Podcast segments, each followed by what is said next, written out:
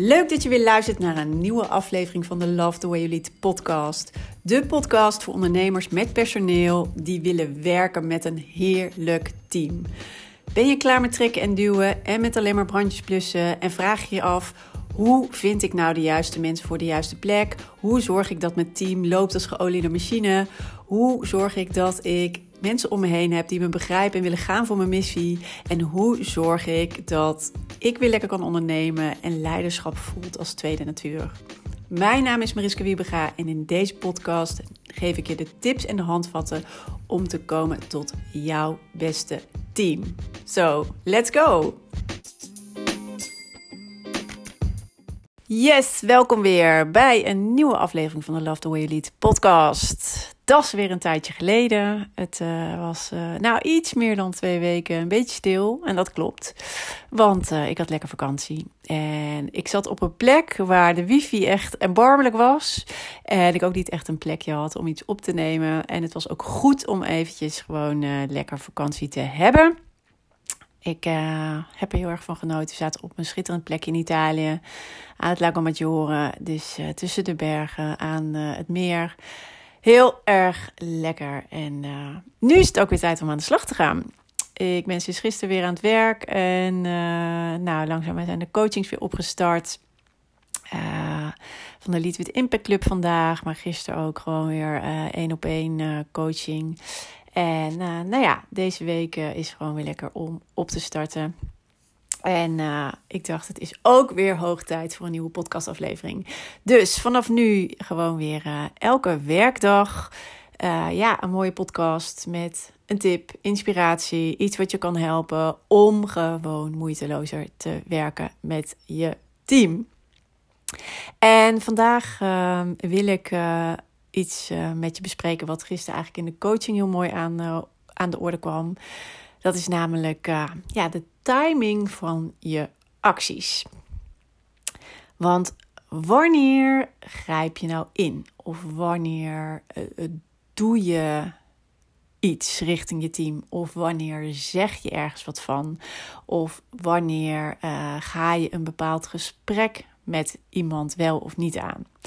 En gisteren was, hadden we eigenlijk een aantal voorbeelden. Waarom uh, ik hier dus ook uh, aan moest denken. Want uh, eigenlijk ehm, ja, wijst zich dit altijd vanzelf. Maar we zijn niet altijd even ehm, genegen om er naar te luisteren. Omdat we vaak denken dat we eigenlijk altijd actie moeten ondernemen. Weet je, we moeten het beïnvloeden, we moeten nu gelijk uh, ja, het regelen, het oplossen, het aanpakken. En nu ben ik absoluut voorstander van uh, hè, problemen oplossen als ze nog klein zijn. Dus laat dingen. Ik ben absoluut fan van hè, dingen niet laten lopen onder het mom van. Ja, weet je, uh, daar heb ik nu geen zin in of geen tijd voor. Of ik vind het spannend om te doen. Of mijn hoofd staat er nu niet naar. of ik weet niet hoe. Kan natuurlijk ook nog. Om dingen maar te laten gaan, want dan wordt het altijd groter. Alleen, uh, het betekent ook niet dat je overal, als er dus iets, iets gebeurt, of uh, gelijk heel erg nodig bovenop moet zitten.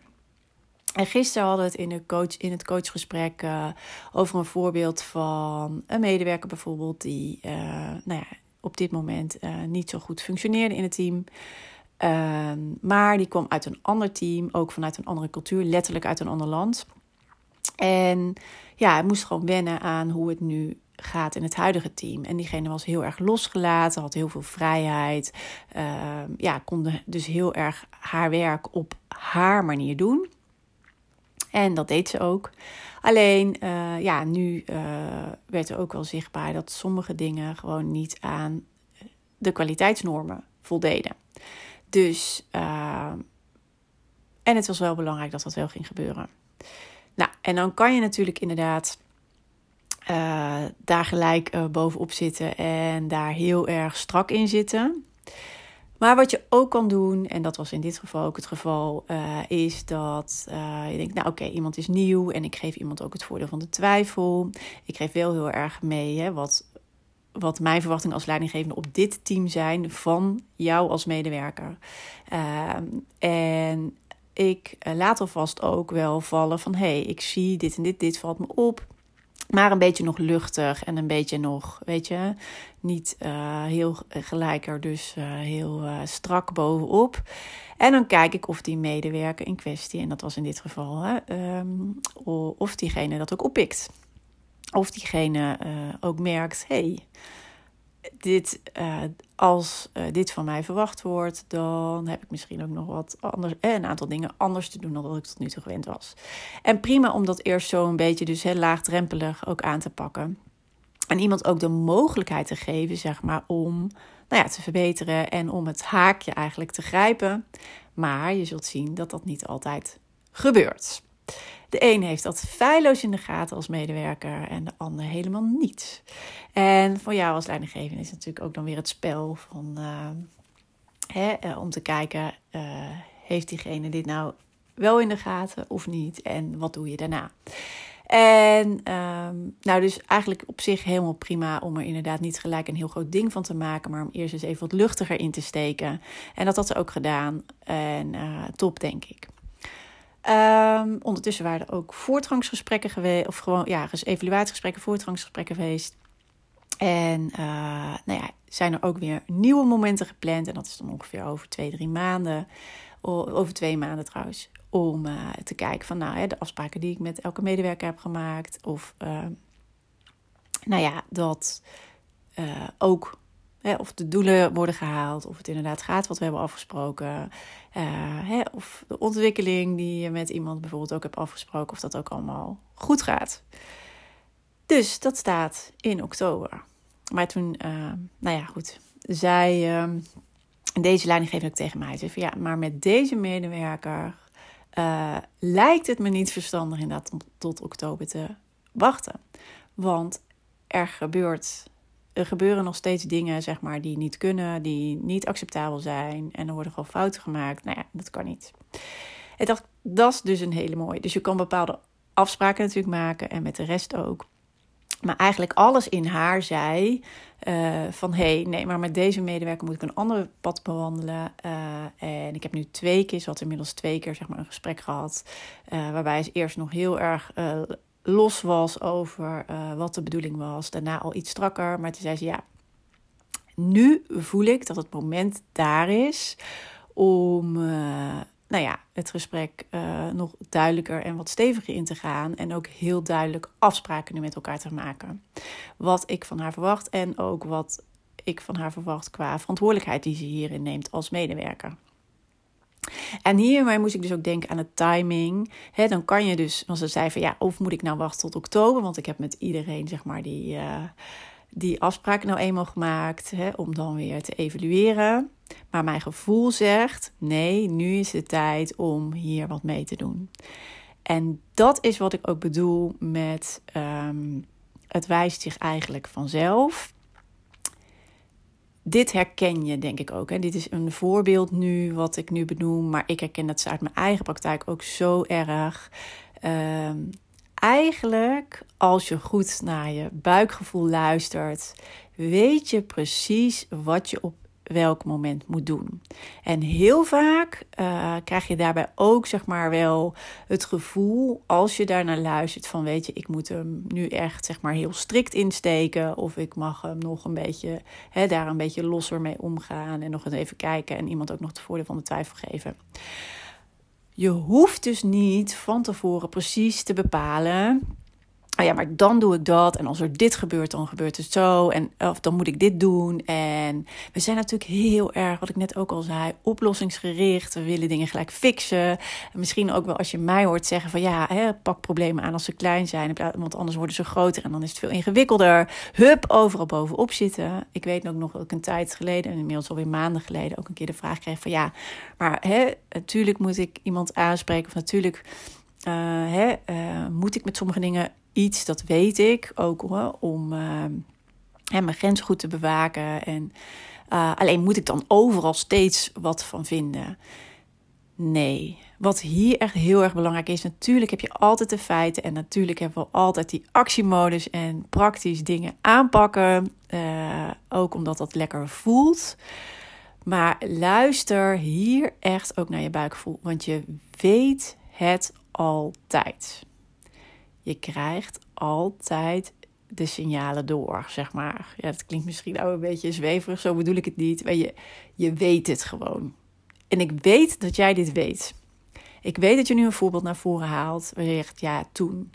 En dat heeft, nou ja, altijd ook te maken dus met buikgevoel. Ligt niet. Dit heeft, ik weet dat je het een keer hebt meegemaakt. Bijvoorbeeld, dit heb je in gesprekken met medewerkers en dat je eruit loopt en dat je denkt, hmm, we hebben het niet over het goede gehad. We hebben een goed gesprek gehad, maar hebben het nou over de essentie gehad? Die voel je. En dan voel je ook, hé, hey, maar hier moet ik nog wat mee. Ik, of in een, een meeting, een vergadering met iedereen. Ik weet zeker dat je op een gegeven moment denkt: we hebben het nu over dit, hè, over het onderwerp, over de inhoud. Maar er stroomt nog iets onder, er zit iets anders. Die voel je ook. Ik weet dat je dit weet. En zo heeft het dus ook te maken met dit soort gesprekken. Wanneer spreek ik dan iemand aan? Wanneer moet ik er, uh, nou ja, hè, kan ik er wat losser in zitten? Wanneer moet ik gewoon veel duidelijker mijn standpunt ventileren en ook de verantwoordelijkheid van de medewerker aanspreken? Je weet het als het zover is.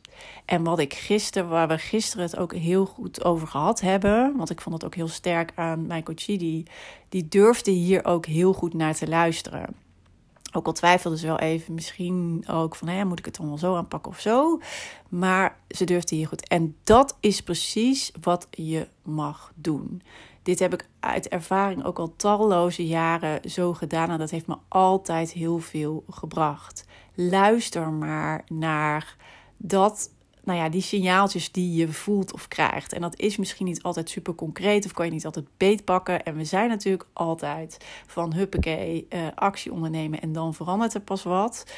Maar hier naar luisteren en dat ook gewoon daadwerkelijk en daarin meebewegen, dat gaat het voor jezelf alweer zoveel makkelijker maken. En wat, waar we ook heel goed in zijn, is dit negeren. Hè? Dus want ik weet dat je dit soort. Je weet dit ook altijd als, je, als er een medewerker eh, nieuw komt. Eh, of het gaat werken of niet. Als iemand een even binnen is. Die weet je ook. Ik weet zeker dat je dit herkent.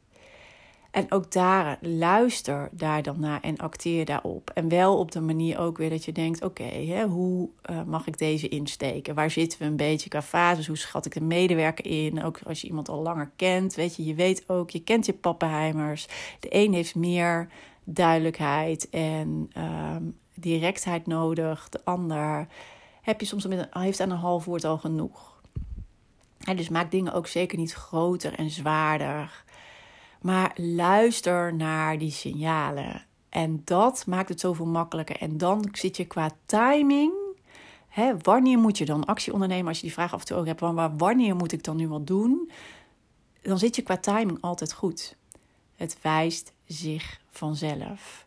Alleen we zijn heel goed geworden in daar niet naar luisteren. Want we rationaliseren alles en we hebben al helemaal, we moeten ook altijd iets doen. En dan kan, pas, kan er een ander resultaat ontstaan.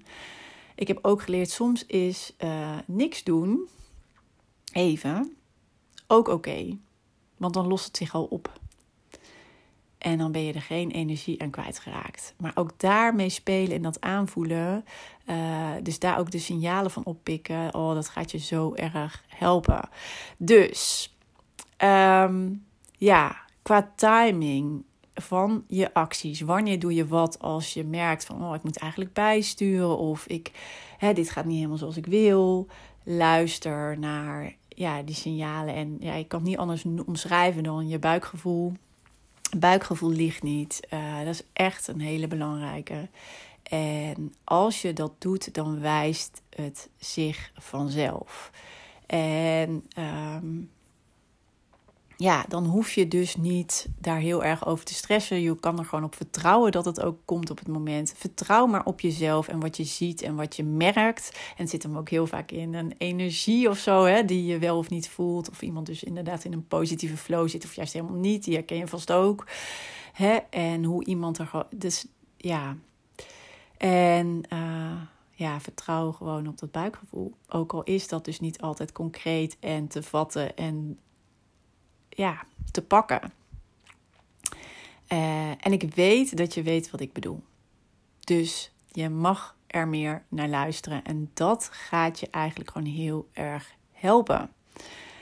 Uh, probeer daar eens op te vertrouwen. Ga dit eens proberen. Uh, als je dit inderdaad herkent en denkt: oh ja, maar ik ga inderdaad ook heel vaak in die actiemodus en ik ga het al fixen. En, uh, of misschien dat je denkt: ook, nou, ik ga er altijd gelijk strak in, want huppakee, dan hebben we het gewoon gelijk getackeld.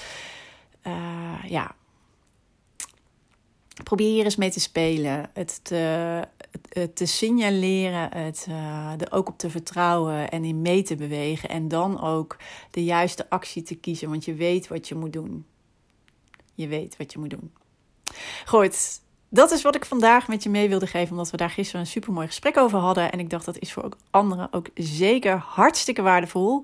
Dus bij deze. Uh, en laat me vooral ook even weten als je deze hebt aflevering hebt geluisterd. Of dit waardevol voor je was. Of je er iets uit hebt gehaald. En wat dan? Super tof om van je te horen. En zoals gebruikelijk, dat kan natuurlijk via Instagram, via een DM. Volg me daar ook. Of natuurlijk via LinkedIn.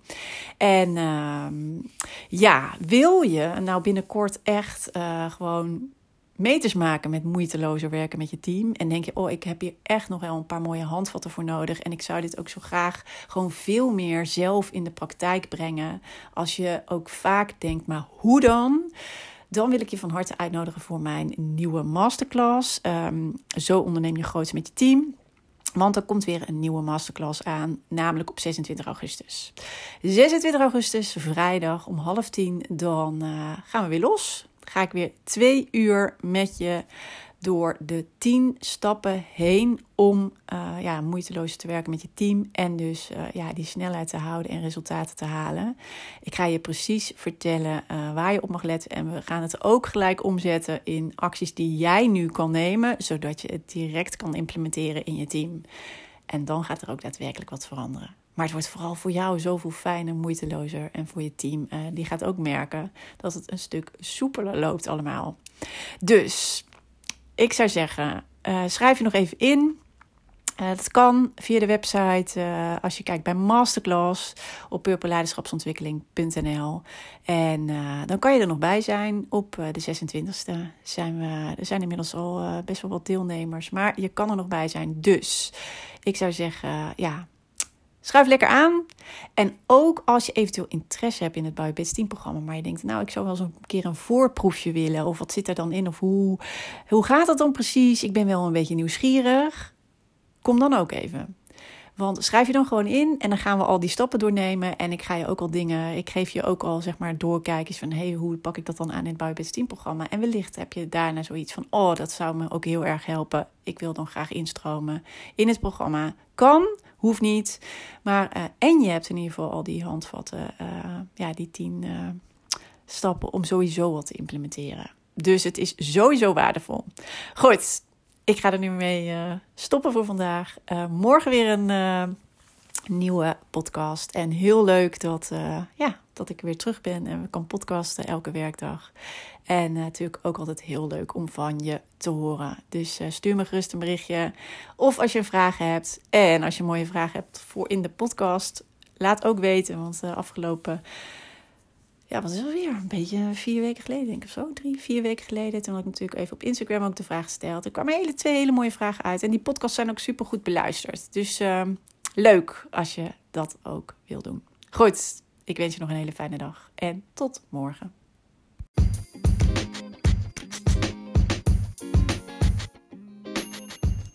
Wat tof dat je weer hebt geluisterd naar een aflevering van de Love the Way You Lead podcast. En ik hoop natuurlijk dat deze aflevering ook weer waardevol voor je was en dat je er mooie inzichten uit hebt gehaald. En ik zou het dus ook enorm kunnen waarderen als het zo was dat je even een review achterlaat op de Apple Podcast app. Want dan wordt deze podcast nog beter gevonden. Hoe meer reviews, hoe hoger in de ranking en hoe meer ondernemers deze podcast kunnen vinden. En dus ook hoe meer ondernemers ik kan inspireren en helpen met hun leidinggevende rol en hun team. Dus dat zou ik enorm kunnen waarderen. Heel fijn als je daar heel kort even de tijd voor neemt. En dan zie of hoor ik je heel graag weer de volgende aflevering. Tot snel!